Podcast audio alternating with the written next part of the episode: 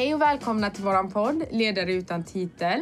En podd som handlar om ledare som inte har de typiska titlarna och vd-titlarna utan som vi anser är ledare i samhället och skapar samhällsförändring. Och idag har vi en fantastisk gäst med oss. Oj, jag glömde presentera. Den här podden gör jag tillsammans med min man, Ja. Ravesh Lawar. Ravish Lawa, men jag är van. Jag är van att vi Nej, glömmer mig. nej, det är han inte. Ravesh Lawar. Mm. Eh, idag har vi en fantastisk gäst med oss, Fardosa. Jag gör alltid misstaget och har svårt att sluta med det misstaget att jag kallar henne Faradosa. Mm. Eh, jag älskar det flowet men såklart så heter du Fardosa. Eh, och det är ett underbart namn. Så jag vill inte ta det ifrån dig. Vad Så betyder det, vet Fardosa. Oh, eh, ja. Det är, arabi, på arabiska är det firdaus. Och det är högsta nivån på paradiset. Oj. Eh, Men Firdaus säger jag jättegärna. ah, Firdaus. turkar säger firdevs. Eh, alla har en liten twist Ja. på det. Ah, Eh, Somalier säger fardausa. Men typ fardausa som att det är ett W där i. Ehm, iranier brukar gilla mitt namn. Jag vet inte vad det betyder på persiska. Mm. Men iranier brukar alltid ge mig komplimang, komplimanger egentligen på mitt namn. Så det är lite så här, det är international. Ja. Okej, men... ja, som sagt, Fardosa är här. Fardosa, det var Så, bara introt. Berätta lite om dig själv då. Jag eh, är 26 år gammal. Det är en sån typisk grej att börja med ålder. Eller? Ja.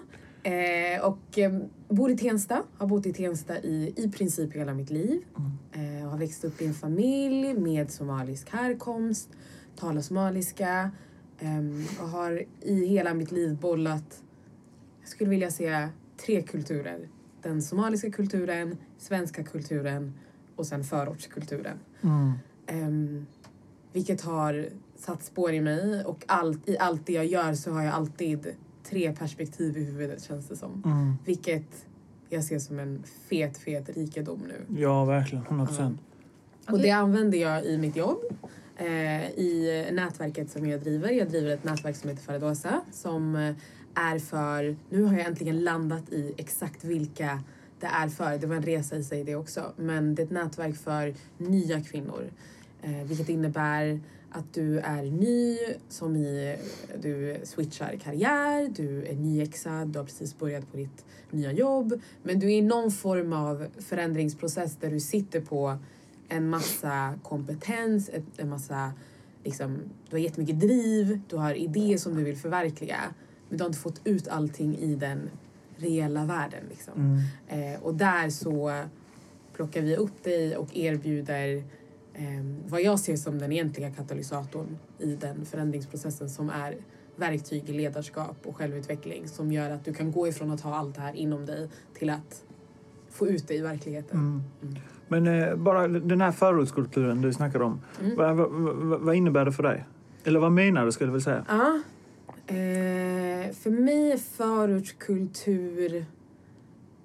Jag tror att av alla tre kulturer så är det den som ligger mig närmast på något sätt. För den innefattar hela mig. Mm. Mm. Den innefattar min svenska sida, den innefattar min liksom, somaliska härkomst. Eh, det finns ett klassperspektiv på det hela. Så den, den får med liksom, mest av mig. Mm. Eh, men för mig så för mig så är förortskultur det är väldigt nostalgiskt för mig. Jag tänker på när jag var yngre, eh, hur man växte upp i liksom att alla, hade, alla talade olika språk hemma, det var olika matkulturer, det var olika perspektiv. Men det blandades ihop och blev sin egen lilla grej. Mm. Ehm, och det är intressant att se nu när man är vuxen hur det liksom kommersialiseras. För nu har ju förortskultur också blivit en kultur som många andra tar del av som Mm. kanske inte är ifrån förorten. Men för mig är det väldigt varmt, mycket känsla, mycket karaktär Ja, i förortskultur. 100 procent. Och hur, hur har det präglat dig nu i... För nu är du vuxen faktiskt. Mm. Ja. och, ja, det tog sin vet. lilla tid. Ja. Eh, hur har det präglat dig i ditt vuxna liv? Alltså nu liksom. Jag skulle säga att det finns en nivå av äkthet som jag försöker hålla i mitt vuxna liv som jag vet hundraprocentigt kommer ifrån eh, min barn och liksom ungdom. Det här med att så här, du ska kunna stå för vad du säger, du ska kunna agera i enlighet med liksom dina värderingar, du ska vara äkta. Och det var ett ord som vi använde väldigt mycket när vi var yngre. Det är Så, riktigt förort. Riktigt så här. Man, man hantera med äkta människor. Ja, och det värsta man kan vara är falsk. Mm. Och det är falskt mot andra men nu i vuxen ålder inser jag också så här, falskt mot dig själv. Mm. Och dina egna värderingar. Ehm, så för mig är det, så här, det är väldigt viktigt för mig att, att jag verkligen kan stå för vad jag säger, vad jag gör. Och också att ehm, det finns en nivå av liksom, integritet i allt det jag gör. Vilket gör att många gånger så det kan vara lite hämmande för mig till exempel.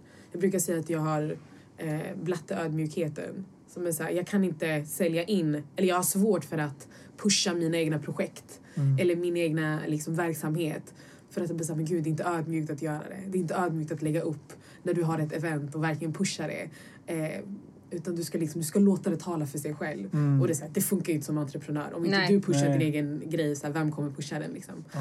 Ehm, men den äktheten och liksom så här, integriteten, den, den har jag med mig. Intressant att det där kommer liksom från förorten, det här med att pusha sin egen grej. Ja, jag tror säkert eh, väldigt många kan känna igen sig i det.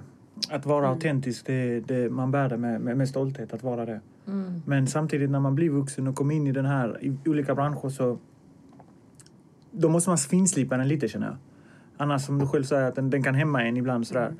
Och det, den balansen är, är ganska svår. 100 procent. Ehm, du som jobbar med det här, eh, det är också en sån här grej, 100 procent som vi säger. Mm. Ja, Mm. 100%. Varför säger vi Vet du, jag säger 100% och jag säger 10 av 10. Ja, Man bara, vem har bett dig betygsätta allting 10 av 10? Det är en sån naturlig grej för mig, 10 av 10. Ja, den Ja, ja. Eh, men idag då i ditt nätverk. ehm, jag tycker det är intressant, lite din storyline. Alltså idag har du det här nätverket. ehm, och det är ju för de här nya kvinnorna eh, som har beslut som de vill ta för sin framtid. Och, och, mång- och det är massa olika, det är verkligen brett är det. Mm. Men har du alltid jobbat med nätverk? Det är en sån här... Jag vet svaret men jag ställer frågan för våra lyssnare. Alltså, nätverket för här, skulle jag säga liksom toppen på en ganska lång resa av att ha jobbat med människor. Jag är ju extremt extrovert. Så det enda jag visste när jag var barn var så här, men när jag blir äldre då vill jag jobba med människor. Mm. Eh, vilken kontext liksom, eller i, vilken, i vilket jobb visste jag inte exakt men jag visste att jag ville jobba med människor. Ehm, och det har visat sig liksom, när jag har varit aktiv i föreningsliv. Ehm, jag jobbade som lärare i flera år eh, och är engelsklärare. Ehm, så jag har ju alltid haft andra människor men jag tror att det som hände när jag jobbade som lärare var att jag också första gången i mitt liv fick rollen som den som skulle hjälpa andra att hitta sig själva. Mm. Att jag var liksom, det fanns en viss, jag vill inte säga hierarki för det har lite negativa konnotationer men det fanns ett ansvar om jag säger så istället. Mhm. Ehm, i En liksom lärare min- har ett ansvar. en lärare har ett 100%. ansvar och det var inte helt plant så som det hade varit i alla tidigare liksom, eh, kontexter där jag hade jobbat med människor. Utan nu var det mitt ansvar att liksom, stötta, hjälpa antingen med de medel som jag själv hade eller liksom kunna dra in medel från, från andra håll och andra resurser. Men till att stötta de här människorna till att bli sina bästa jag. Hur var det ledarskapet? För det för mig, Mm. lärare, är det största ledarskapet. Det Vilken var- årskurs hade du? För, för Jag hade högstadiet. högstadiet? Och Oh. jag säger det, jag hade högstadiet. Ja, för det är där alla reagerar så himla starkt på det. För det är, alla säger, alla ofta, jag ska inte säga alla, men de flesta säger att gud, alltså jag skulle aldrig valt högstadiet. Nej, det är typ jag- alla så här, least favorite. Det måste vara den jobbigaste eh, alltså, årskursen man kallar Ja, men samtidigt kan man också se Påverkar det som, och i, i, som ledare så är det den, den årskursen där du som lärare kan ha en extrem påverkan på den individens framtid. Alltså de Mm. formas så enormt mycket. Så om du är en människa som vill jobba med människor och vill ha en påverkan och verkligen ha en impact. Att vara lärare på hög eh, är en av de starkaste eh, ledarna tycker jag. Och vet du vad jag insåg nu när du höll på och pratade och jag har aldrig tänkt på det tidigare.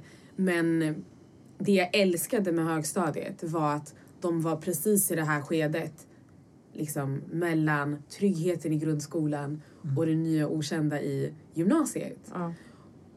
Och det är ju precis, alltså i nätverket för det är ju precis vart man är. Men på ett annat sätt. Man, Det är nästa steg. man alltså är i en trygghet. skolan. Man Ja. är i en trygghet i det här nätverket som jag driver nu. Man är i en trygghet Men man vill någon annanstans. Och det, man har inte stenkoll på hur, vad det kommer innebära. Man vet inte rikt- riktigt hur man kommer fungera i, den här, i det här nya rummet, i den här nya världen. Eh, och precis som jag försöker vara en katalysator idag så tror jag att det var det jag uppskattade mest med högstadiet. Att jag fick vara med i det där skedet precis innan förändringen skedde. Och du, får, du är liksom där som ett stöd när man ska välja gymnasieskola eh, eller när man ska välja vilket program man ska läsa. Alltså det är så många beslut som tas. Och Inte att få bara vara det. med där var väldigt givande. Jag tror du som lärare också, att du är med varje dag. Mm. Och då handlar det om beslut eh, i att, ska jag ta den här konflikten med en klasskamrat? Ska jag välja att, eh, för vi vet alla att i högstadiet så gick ju humöret upp och ner. Mm. Det är mycket här, hormoner. det är mycket som hände då. Jag kommer ihåg det i alla fall. Det var mycket som hände. Rave, så som jag känner dig och har hört så tyckte du allt bara var jättekul. Ja, för fan, det var den bästa tiden. Ja. Men i alla fall till oss som kanske det gick lite upp och ner. Att vara den personen som de träffar konsekvent. Det är grymt. Och sen också att man i högstadiet är... Jag tycker högstadiet är väldigt unikt i det att det finns en känsla, barnen har en känsla av att de är vuxna. Eller de vill gärna tro att de är mycket vuxnare än de egentligen är. Men i vissa situationer, som till exempel när det sker ett bråk eller när det sker ett missförstånd i konflikter generellt, så faller de tillbaka lite grann på “men jag är ju bara ett barn fröken, hur ska jag göra?” Och att man får se dem bära de olika maskerna, eller så här, bära masken och sen ta av sig den. Det var också väldigt fint och väldigt för mig var det så här, det kändes som ett privilegium att få vara där Ja. och få vara den tryggheten när de, när de bara skalar av allting och typ vill gråta mot någons axel. Liksom. Men sen också så här, nästa morgon när de är med sina grabbar och de liksom återigen har på sig den här skölden. Så, ah, men jag, jag vet vad jag gör, jag, jag har stenkoll. Ja, men jag tror de flesta lärarna, alltså, de, intentionen är väl att de ska ha denna känslan. Mm. Men sen kanske det blir för mycket för dem eller det, det, jag vet inte, Jag det vet det är brister någonstans. Det Jag är, kan, jag kan inte säga. Men jag säger bara så här, jag tycker det är kul eller intressant i ditt fall att du har gått från ett ledarskap eh, till ett annat ledarskap. Vad skulle, vad skulle du säga är den största skillnaden på att du var som lärare i ditt ledarskap och hur du är idag i nätverket liksom? Eller i det du driver idag, så får jag säga. Så får du välja. Jag tror att en stor skillnad är att först och främst så känner jag att de vuxna kvinnor som jag jobbar med nu i nätverket för oss, de är mycket mer förlåtande och förstående. Ja. Du har inte så många chanser till att tabba dig med barn.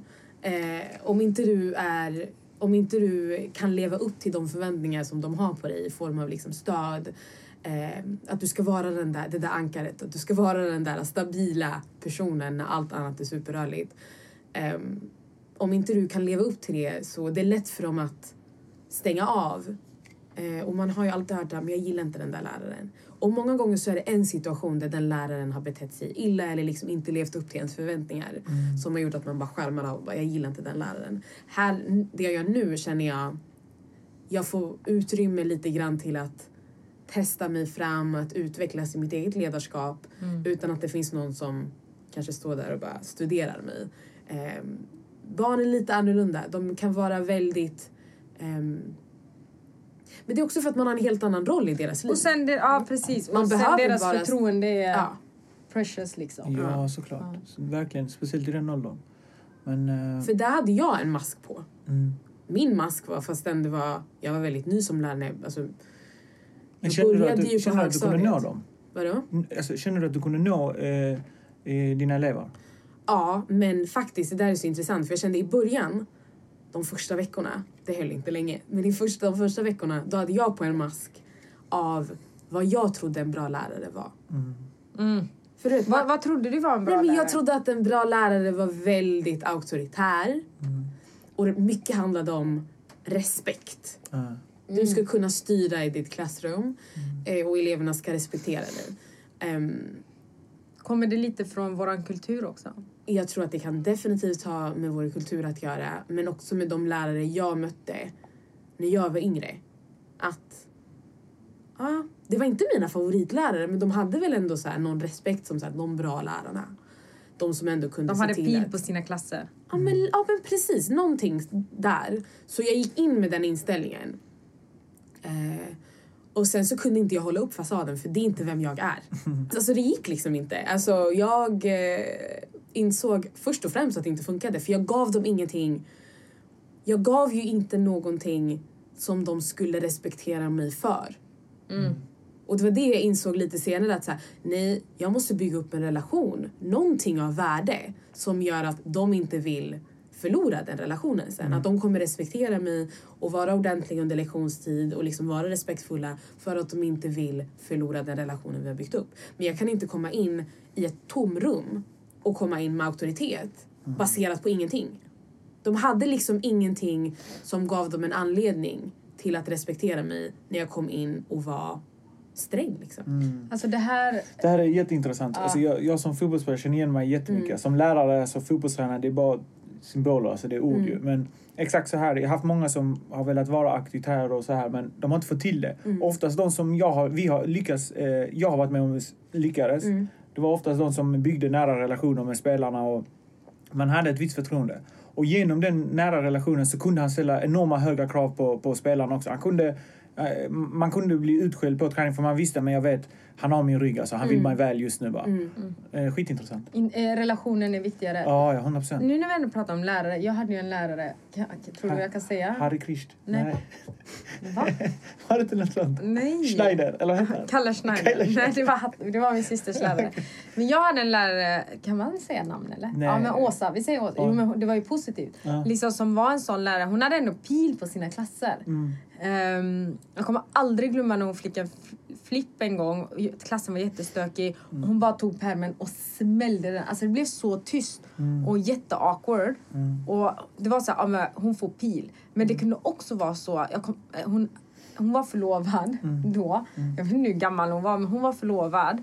Och en dag kom hon och bara, det här har hänt. Hon tog upp sin hand, visade att hon gjort slut. Alltså vi fick en helt annan respekt för henne. Mm. Och samtidigt, hon var också den som kom fram till mig. Hon var den som fick mig att börja läsa på riktigt. För det var hon som, jag hade stavat fel på ända och ända. Eh, jag hade skrivit ända som där bak. Istället för det är det enda man ska göra. Och så sa hon så här, Zilan du måste läsa.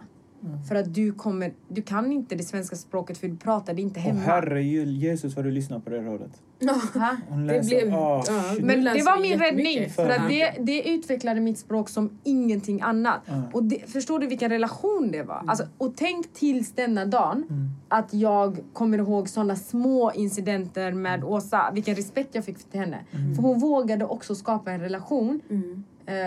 Men hon hade ändå pil i klassen liksom. Och det är också en grej som man ibland missar i liksom vad ledarskap innebär. Speciellt när man besitter en roll som ledare i ett klassrum eller i, som en fotbollstränare eller liknande. Att ledarskapet skapas i Nej, men det, är liksom, det skapas i interaktionen, det går åt båda hållen. Alltså det är inte bara att du ska respektera Åsa. Utan Åsa måste också komma ner lite grann på jorden, vara öppen, vara transparent för att du ska kunna få den respekten för henne. Alltså att det liksom... De, jag kommer ihåg en gång till exempel, jag satt upp i lärarrummet eh, och fikade med en annan lärare och sjukt nog, alltså det hade aldrig hänt tidigare och det hände aldrig efter igen, men jag glömde bort tiden totalt. Alltså helt och hållet. Och jag hade en lektion som hade börjat. Men jag hade, alltså jag hade ingen Det låter aning. som dig när du börjar men- prata. Men jag hade ingen aning. Alltså det var så, jag, gud, jag blev så förskräckt. För helt plötsligt så var det en lärare som bara Faridosa, har inte du lektion? Dina elever står och väntar utanför och säger att du är en kvart sen. Och mitt hjärta bara sjönk och jag tänkte gud nu har de stått utanför dörren i en kvart. Eh, och jag skyndade mig ner. Och så fort jag kom in i klassrummet, jag bara gapskrattade. Alltså jag skrattade, jag måste ha skrattat i en kvart till. För jag var så förskräckt. Det var, det var ett nervöst garv. Och de började skratta och det var liksom, jag, jag stod där och jag skrattade, skrattade och erkände min tabbe. Och jag bara, vet ni vad? Jag satt där uppe, jag hade tiden, men jag glömde bort det. Och såna grejer, att så här, kunna erkänna när man gör Ja, fel. det uppskattas tror Det man. uppskattas. Alltså man, man visar sin humana, humanska sida, jag lovar. Och det är det man, när man inte liksom förstår ledarskap, det är det man tror tar bort från ditt Ja, det ledarskap. är det vi försöker Ja. Den barriären försöker Men bryta. ti- titta här, som lärare, varför, varför du är intressant i detta med ledare utan titel. Som lärare, du har ändå en titel. Alltså lärare är hierarkiskt. Hur mycket vi vill eller inte. På, du, är, alltså, om vi tänker lärare, du besitter kunskapen. Sen, är, sen behöver det inte vara så. Men det är så vi har tänkt en lärare. Eh, nu är du inte lärare längre. Mm. Men du leder någonting annat. Mm. Nu är du verkligen den här ledare utan titel. Det var att- en jobbig övergång för mig Hur? förresten. Hur? Bara det här, alltså inte ens att vara ledaren utan titel i vad jag gör idag utan att gå från att vara ledaren med titel till att lämna ifrån mig titeln. Okej, berätta. Man bygger upp så stor del av sin identitet kring sitt yrke många gånger och jag tror att det är specifikt eh, mer märkbart i vissa yrken som till exempel läraryrket. För du är läraren, i dina egna ögon så är du läraren. Men eleverna kallar dig för lärare dagligen. Du, elevernas föräldrar ser dig som läraren. Eh, det är liksom, du får det förstärkt från så många håll att det är den du är. Du är lärare. Och sen i våra kulturer är lärare också väldigt respekterade. Ja, väldigt väldigt, respekterat. Jag jobbade i en skola i förorten eh, och jag bor i förorten. Så liksom lördag morgon när jag ska gå och handla på Ica, eller vi har ingen Ica, vi har en Matvärden. Men jag, ser ju, jag ser ju barnens föräldrar. Och de kan fråga mig men hur går det för min unge och det, det var också en helt annan problematik med att de inte förstod arbetstid och utanför arbetstid. Men liksom det förstärkte ytterligare att okej jag är inte bara lärare jag är inte bara lärare måndag till fredag utan okej jag är också lärare lördag söndag. Och när jag slutade, jag kommer ihåg att jag tyckte det var så jobbigt när, du vet, när man ska räcka fram handen och presentera sig. Och jag bara, hej jag heter Ferdosa, jag är blank. Ah. Det var jobbigt. För dig, alltså för dig själv eller för hur de skulle uppfatta dig? För mig själv var det väldigt, väldigt jobbigt. För att det blev som ett tomrum. Och jag insåg att Men du är ju Fadosa fortfarande ju. Men jag tror inte att jag förstod det. Jag behövde. Jag behövde de månaderna av det där tomrummet efter mitt namn. För att förstå att det är först och främst inte ett tomrum. Bara för att det inte är en yrkestitel så betyder det inte att du inte har någonting att presentera dig med. Men också, jag förstod också att jag hade gett just den rollen en alldeles för stor del av min bild av min identitet. För man är ju så mycket annat. Såklart. Men det var obehagligt. Okej, intressant. Det var extremt obehagligt. Intressant. För att tror du att det är många som säger så här, dålig chef och det finns dåliga ledare. Tror du att alla ledare på något sätt att det skulle vara hälsosamt att bli av med sin titel för att bli lite mer ödmjuk till sin titel? Ja, det tror jag. Mm. Just för att en titel i ett jobbsammanhang får du från en chef. Eller ger du dig själv om du är chefen. Men du behöver inte göra någonting för att förtjäna den titeln egentligen. När jag började som lärare, jag var lärare från första dagen.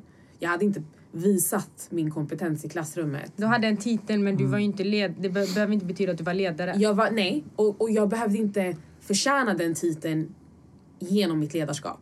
Mm. Så jag tror att det är väldigt nyttigt att man ibland kan plocka bort alltså själva titeln. För att se, okej men vad gör jag egentligen? Om inte jag har den titeln, vad gör jag egentligen i mitt ledarskap? Har jag ett ledarskap utanför den titeln? Ehm, för jag tror att nu, nu måste jag skapa eller bygga upp både titeln men också så här, bygga upp min roll i det här nätverket som jag driver. Och jag tror det är det, det, är det svåraste, tror jag. Och jag har inte behövt göra det tidigare utan jag har fått allting gratis. I det att så här, jag har signat kontraktet, jag var lärare. Ehm, nu är det ju inte så. Och sen speciellt när man jobbar med människor. Alltså, jag måste ju bevisa mitt ledarskap. Jag måste ju få ett förtroende av de här människorna för att de ens ska ge mig den. Att bevisa... Får jag bara Mm. välja, leka med två ord här? Mm. Att bevisa ditt ledarskap eller att vara autentisk i ditt ledarskap?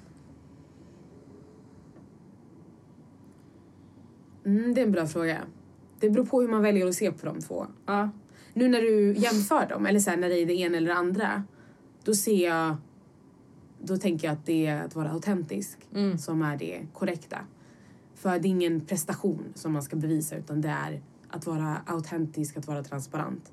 Men för mig, att bevisa ledarskapet, en del av det är att vara transparent och autentisk. Okej. Mm. För den relationen som byggs genom det är...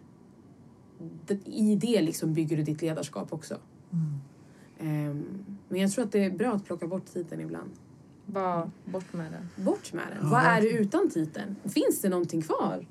Verkligen, verkligen. Men eh, vad är en, alltså, vad, vad tycker du är en optimal ledare? Vad är en ledare för dig? Alltså, vilk, rent specifikt, vilka egenskaper tycker du en ledare, en bra ledare ska ha? Jag tror att den huvudsakliga och kanske den en, nej jag ska inte säga, men en av få egenskaper som jag tänker så här, att de här är statiska, de här ska man alltid ha, är att vara flexibel. Mm. Och, och Det att, kunna, det. att kunna anpassa sig. För till exempel i eh, det jag gör idag, Mm. i nätverket Fardosa, okej, min roll som ledare i det nätverket handlar till stor del om att lyssna på människor. Mm. att komma ner på jorden. Att liksom att ha ett ganska plant ledarskap där vi möts i dialoger. Vi lyssnar på varandra. Jag lär mig av vad ni uttrycker att ni känner för, att ni har liksom för behov eller att ni känner att ni vill utveckla inom er själva. Och sen så formar jag en verksamhet utefter det. Mm. Ehm, men om jag till exempel leder i ett klassrum då är det viktigt för mig att ut, utöver att lyssna också liksom se till att everything is going according to schedule. Att se till att du presterar Mm. utefter den potential som jag ser Ja, hos såklart. dig. Det är ditt ansvar du, i slutändan. Ja, fastän Mm. du kanske inte vill eller du Mm. kanske inte ser den potentialen in, inom dig själv Mm. just då. Så då är det, det är ett annat typ av ledarskap. Så jag Mm. tror att för mig den röda tråden i alla former av ledarskap är att vara flexibel Mm. och att kunna anpassa sig. Vilket är att vara flexibel egentligen men att kunna anpassa sig specifikt också de människorna man jobbar med. Mm. Mm. Men vad, vad tror du, alltså, du Fardosa, var fick du dina ledarskap, eh, egenskaper ifrån tror du? Alltså är det något du har utvecklat? Är det något du känner att direkt du hade som, som barn? Kommer det från föräldrarna, syskon? Vad tror du att du, du fick det ifrån? Jag tror att jag har alltid varit bra på att connecta med människor. Mm. Eh, som jag sa innan, jag är väldigt extrovert. Jag gillar att interagera med människor. Och jag har alltid haft en förmåga att nå ut och liksom kunna connecta med människor på ett liksom djupt plan. Mm. Eh, men det har inte haft en struktur kring det tidigare. Det jag fick in, inom min lärarroll var att jag fick en struktur för det. Mm. Eh, jag lyckades utveckla strategier kring det. Mm. Men i slutändan så handlade det om samma sak. Hur når jag dessa kids? Men att jag fick liksom skapa ett ramverk runt omkring det. Och det är det jag gör nu också. Hur når jag de här kvinnorna? Men att jag liksom under hela min resas gång har egentligen bara finslipat någonting som fanns inom mig i väldigt ung ålder. Jag hade en lärare en gång som sa till mig att, eh, att jag skulle jobba inom tv för att jag gillar att vara center of attention. Mm. Men i flera år så tyckte jag att det var negativt. Att jag... Eller så här, det lät väldigt negativt för mig. Mm. Ehm, det kanske också är lite av den här ödmjukheten som man växer upp med. Den här tanken om att så här, nej men då, du ska inte ta mycket plats. Så jag har oftast, eller så här, under väldigt stora delar av, min, eh, av mitt liv tänkt att det är någonting negativt. Jag ska dämpa mig själv lite. Jag ska vara lite mer... ehm, ta inte för mycket plats. Var inte för påstridig. Ehm, så det kanske också har ändrats. Nu ser, nu ser jag det mer som att um, såklart man ska, inte ta, man ska inte ta plats på bekostnad av någon annan. Nej, exakt. Men det är ingenting negativt i sig att ta plats, att kunna nå ut, att kunna göra sig Alltså, hörd och så vidare. Är du en sån människa som tar plats så ska du göra det. Så det är som du sa, inte på någon annans bekostnad. Men Mm. fan, man ska inte skämmas för det. Fan. Det har, så- varit, det har varit någonting som jag har fått lära mig på vägen. Jag tänker, tanken bara kom upp nu medan vi pratar här att Mm. okej, nu, nu gör du det du gör, det är ändå, det är ändå nytt. Hela ditt eh, tankesätt kring det här är nytt. Jag, jag har inte stött på det riktigt så, eh, så som ditt nätverk, för det är verkligen diversity i Mm. ditt nätverk extremt och det är så, så roligt att se. Men jag bara tänker så här, folk dyker upp till de här nätverken. De har ett behov.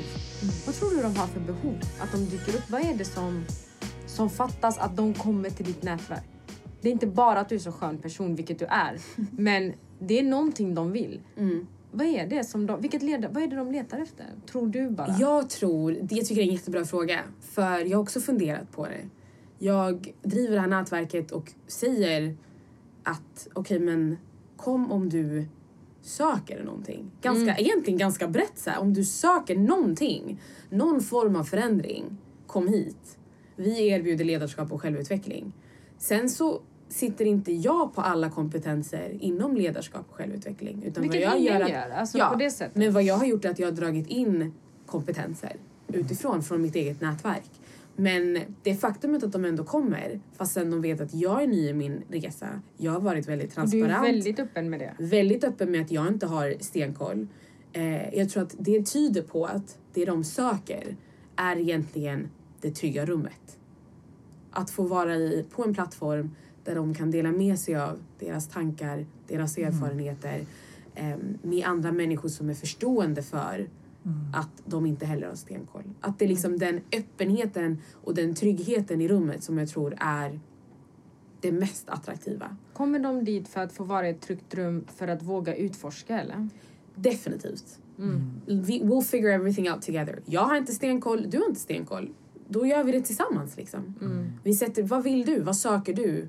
Eh, uttryck det i det här rummet. Jag tar anteckningar och ser på vilket sätt som jag kan eh, liksom, dra in resurser för att vi ska kunna utforska och utveckla det tillsammans. Okej, jag som jobbar som konsult och, och jag tänker så här, eh, ja men bolag. Mm. Och då tänker jag så här, det här är ju någonting som företagsvärlden också borde göra. För om människor på sin fritid, för det här, vi ska säga de här som är nya, är inte, de är inte arbetslösa eh, och har ingen koll på livet alls. De jobbar och de har koll men det är någonting annat och det, är någonting annat de vill figure out. Och, och bara den här kraften i att om de gör det på sin fritid för att komma till nästa steg. Vilken kraft det är i, om man i ett bolag förstår vad, vad, vad som händer när man samlar människor som har tankar och idéer och sitter tillsammans och pratar. Alltså det du, det, nätverket skulle man lika väl kunna använda internt i bolag. Vissa gör det fantastiskt bra. Men så många mer som skulle kunna göra det. Mm. Och jag tror att anledningen till att det inte är fler som gör det är att många upplever ett obehag i att vara fullt transparenta. Jag hade ju lätt kunnat kört på den här ja men jag har designat det här och jag driver det här och liksom hela, ursäkta, Blondinbella-viben. Eh, alltså så här, att jag blir varumärket. Jag hade ju lätt kunnat köra på det. Jag ser dock inget värde i det i de människorna jag försöker nå ut till. För jag vill inte bli avgudad. Alltså jag vill inte sättas på en pedestal så att andra kan kolla upp till mig och inspireras av mig. Jag ser inget värde i det. Utan jag ser det större värdet i att jag kanske gör flera grejer som är eh, nya för mig men också så här, grejer som andra reagerar på. Bara, Åh gud vad coolt. Men att det ändå är jag. Och att jag ändå är precis som du. Då kommer vi tillbaka till det vi snackade om i början om, om äkta och autentisk. Det är väl där. Eller hur? Faktiskt. Där får inte du heller skämmas om folk sätter dig på en pedestal. Mm. Alltså, jag lovar dig, alltså, även om det är obekvämt för dig eller ingenting, men folk kanske ser upp till dig. Alltså, du kanske inspirerar många Mm. och sånt. Alltså, avvisa inte det sånt. Det kan också vara en välsignelse. Det var bara en side-note. Mm. Det måste jag träna, träna Ja, det är klart, självklart. Alltså, om, de, om de ser dig som en inspiration så Mm. är du lycklig lottad. Det är en välsignelse. Eh, om du inte tar hand om det kan det bli en, en börda. Mm. Jag brukar alltid ställa frågan, eftersom det är relevant till mitt jobb så, och någonting som jag utforskar väldigt mycket. Eh, många klagar på generation Z, att de är lite sådär. Men, eh, Vilka åldrar är det? eh, Ungefär. Det, det är den senaste, jag vågar inte säga en siffra nu. Nej. Så. Nej men är jag Z eller är jag millennial? Vilket år är du född? 93. Ja, då, är, då blir du millennial då. Okej. Mm. Jag kan kolla Ja, jag tror det. Z är 95. Är det Ja, så? ja, sorry. Eh, men det var för att jag tänkte på i men jag har faktiskt det väldigt tydligt Ja. eh, nedskrivet. Mm. Men jag tänkte sådär, den senaste generationen där, hur... Eh, många klagar ju på dem. Jag har även bolag som bara, ah, men det, är, det är svårt att leda dem. Vad tror du att de behöver i sitt ledarskap? Alltså vilka typer av ledare tror du de behöver? Jag tänker att vad jag personligen ser hos mig själv och också ser hos alla de som attendar våra events och liksom tar del av nätverket är att man är ganska mätt på den perfekta fasaden. Det tror jag. Jag tror att man är mätt på den här Instagram perfekta, jag har alla svaren. Och det alla söker på något sätt är vad ligger bakom det. Jag tror att den ledare som kommer göra sig bäst idag är den ledare som som är en av folket typ. Mm. Som kan vara öppen med vad som inte går som det var tänkt, vad som är svårt. Men ändå lyfter så här, mitt driv genom det hela. För jag tror att det är det som är grejen idag. Att, så här, jag tror man inspireras mer av den av ledarens liksom, driv och hur den hanterar motgångar än vart man hamnar i slutändan. Det är någonting i makthierarki som stör människor. Jag tror att de människor vill att det ska vara ganska plant nu för tiden. Eh, plant och autentiskt. Eh, jag tror att jag har tänkt på det jättemånga gånger att jag någon gång ska bjuda in någon för att berätta om allt som har gått fel under dens resa. Men så, det tror jag är framtiden. Det är Vad gick fel och hur gjorde du för att hantera det? Ja, och sen fortsätta därifrån. Vad gör vi nu? Ja, Ja. precis. Okej, men då kör vi våra, vad jag brukar säga. Jag säger snabba frågor. Ah, och, Men Rave tycker inte det ska vara snabba frågor. nej. Utan vad brukar du säga? Vad brukar jag säga? Off, off track eller nej? Off track frågor. Eller någonting. Jag, kan inte säga, jag kan inte säga vad du brukar säga. Nej, men jag brukar säga lite så här. Inte snabba i alla fall. Okej, off track. Okej. Ehm, men random questions liksom. Ah. Alltid. Drömresemål. Oh, gud jag har inte ens tänkt på det. Jag tror inte att jag har ett tydligt drömresmål. Jag tror också att min problematik är att jag har svårt med drömresmål. Eh, din förebild, alltså när det är så här, koncentrerat till en person eller en plats. Min hjärna funkar inte på det Just det, sättet. vi ställde inte frågan vem är din förebild men Jag då, skulle vi, inte- då skulle vi inte ställa den. Nej, men, det vet var du, meningen. Jag har insett vad svaret är på den frågan. Vad är det? Min förebild, och jag säger det här absolut inte för att låta dryg, men min förebild är alltid min bild av mitt framtida jag. Det är det enda jag kan relatera till Mm. och tänka att det där, det där är min förebild. För det är så svårt för mig att kolla på en annan människa. Jag tycker inte att en annan individ kan... Jag vet inte, det är svårt för mig att Representera dig. Mm. helheten. Det är det. Den kan representera vissa delar eller jag kan inspireras av vissa delar av den personens resa eller den personens egenskaper eller liknande. Men det här med att man ska välja en förebild har alltid varit svårt för mig. Samma sak med ett resmål. Det är så här, men lite Bali, jag skulle vilja ha kanske lite Japan, kanske lite... Alltså, Ja, jag förstår. det blir så. Mm. Men eh, min fråga lyder då så här. Eh, vad är dina inspirationskällor? Alltså du säger att du träffar människor hela tiden och Människor. du är extrovert. Men var, Samtalen. är det så? Men Samtalen. var går du, var går du för att eh, gasa upp dig själv alltså? Mina favoritsamtal är samtal där jag går därifrån och det föder ett helt nytt samtal i mitt huvud. Mm. Och det är ofta samtal där jag tvingas, liksom, jag ställs emot mig själv på något sätt. Mm. Jag blir tvungen att fundera över varför sa jag på det sättet? Eller jag blir ifrågasatt. Mm. Det är aldrig de här trevliga samtalen utan det är de här lite obehagliga samtalen där någonting som jag tog för givet Mm. blir jag tvungen att verkligen studera. Mm.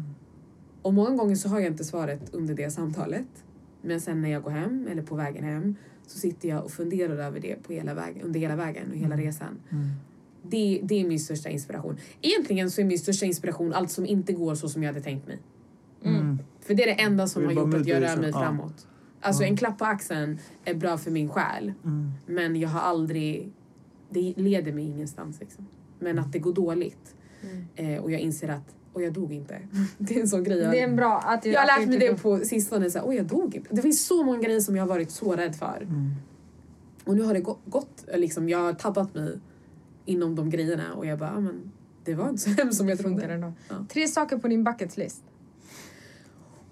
Små som stora. Det behöver inte Små vara klättra. Sälj ett bolag. Sälj ett bolag. Det skulle jag vilja göra någon gång. Ehm, Först ska man väl bygga ett då? Ja. Okej, bra. Men at some point att bara, nu har jag byggt det, jag har gett det vad jag har, det har blivit allt jag hade drömt om. Nu är jag klar med det. Att bara känna så här, Intressant. jag är klar, jag har gjort min del i det här. Mm. De flesta brukar börja säga bygga ett bolag. Ja, såklart. Men det är grymt. Ja. Mm. Eh, bucket list, vad mer? Skaffa barn. Mm. Det skulle Don't do it. definitivt- Va? Vem, var, vem fan sa det Vem där? var det som sa Ja, det? vem var det där? What the hell? Too late! barn. Mm. Eh, vad mer? Jag vet inte. Det är också så här. Nu säger jag, jag tänker medan vi pratar men jag har liksom ingen lista upprada. Jo, faktiskt jag tänkte på det här på sistone. Jag skulle vilja någon gång hålla ett event på en fet, fet arena. Oj. Alltså vi snackar Friends Arena, Globen, whatever, I don't know. Men så här, att kunna samla, att nätverket ska bli så stort. Mm. Att det får plats, att det kan liksom fylla ut en sån arena. Vore fett att se. Ja, men det, det kommer säkert hända. Det vore fantastiskt. liksom. Det är Men- bara att fortsätta. Men det är mer av en egogrej. Ja. Det är så här, jag, skulle, det, skulle- jag skulle må bra av det. Ehm, drömmer du om något materiellt? Alltså du är väldigt så här djup och du vet så här. Jag vill, ja, har typ and- ja. en grej. Ja. Jag måste köpa en lägenhet. En det är en sån, ja, det är en sån grej. Ja. Eh, Det är en bra materiell grej om jag, ja, om jag får det, var, välja. det var nästan lite Ja. fånigt svar. Men, ja, ja. men vet ni varför? Jag köpte sån här, jag, jag tänkte sån här, du, du ångrar dig direkt efter du har köpt den. Ja, typ så jag köper en påfågel Ja, eller så- En påfågel. Ja, men som, Random. som Titus köper Eller i En tiger eller. Kimmy Schmidt. Köpa lägenhet just för att på många sätt så känner jag så här. jag levde enligt receptet Ja. i många år. Så här, men pluggade, jobbade, hade en bra inkomst. Och hamnade där väldigt tidigt Mm. innan jag hann utforska mycket annat. Liksom. Eh, och det är det jag ser det jag gör idag som. Så att jag utforskar. Jag utforskar mina kompetenser, jag utforskar mina intresseområden. Men jag var liksom... Jag lämnade den tryggheten vid en ålder där många landade i tryggheten.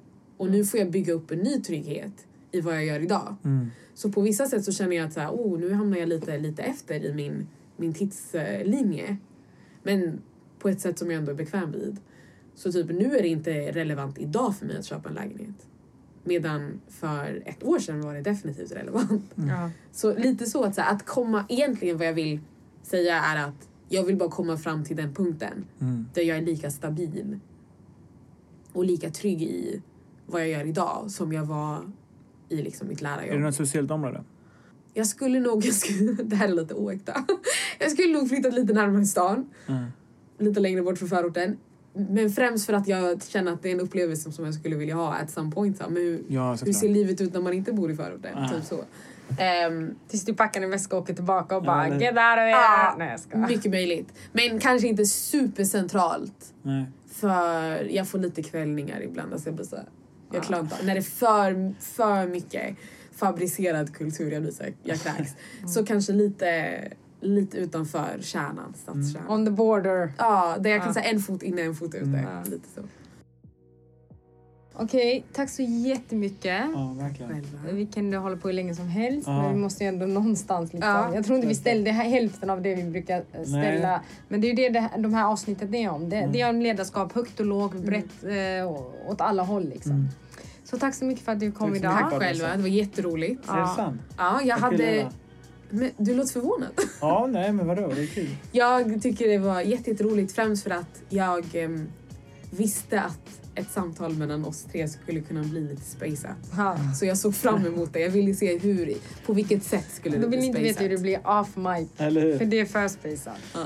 Men det är bra, Ja, tack så jättemycket. Tack så mycket för Tack så mycket. Tack.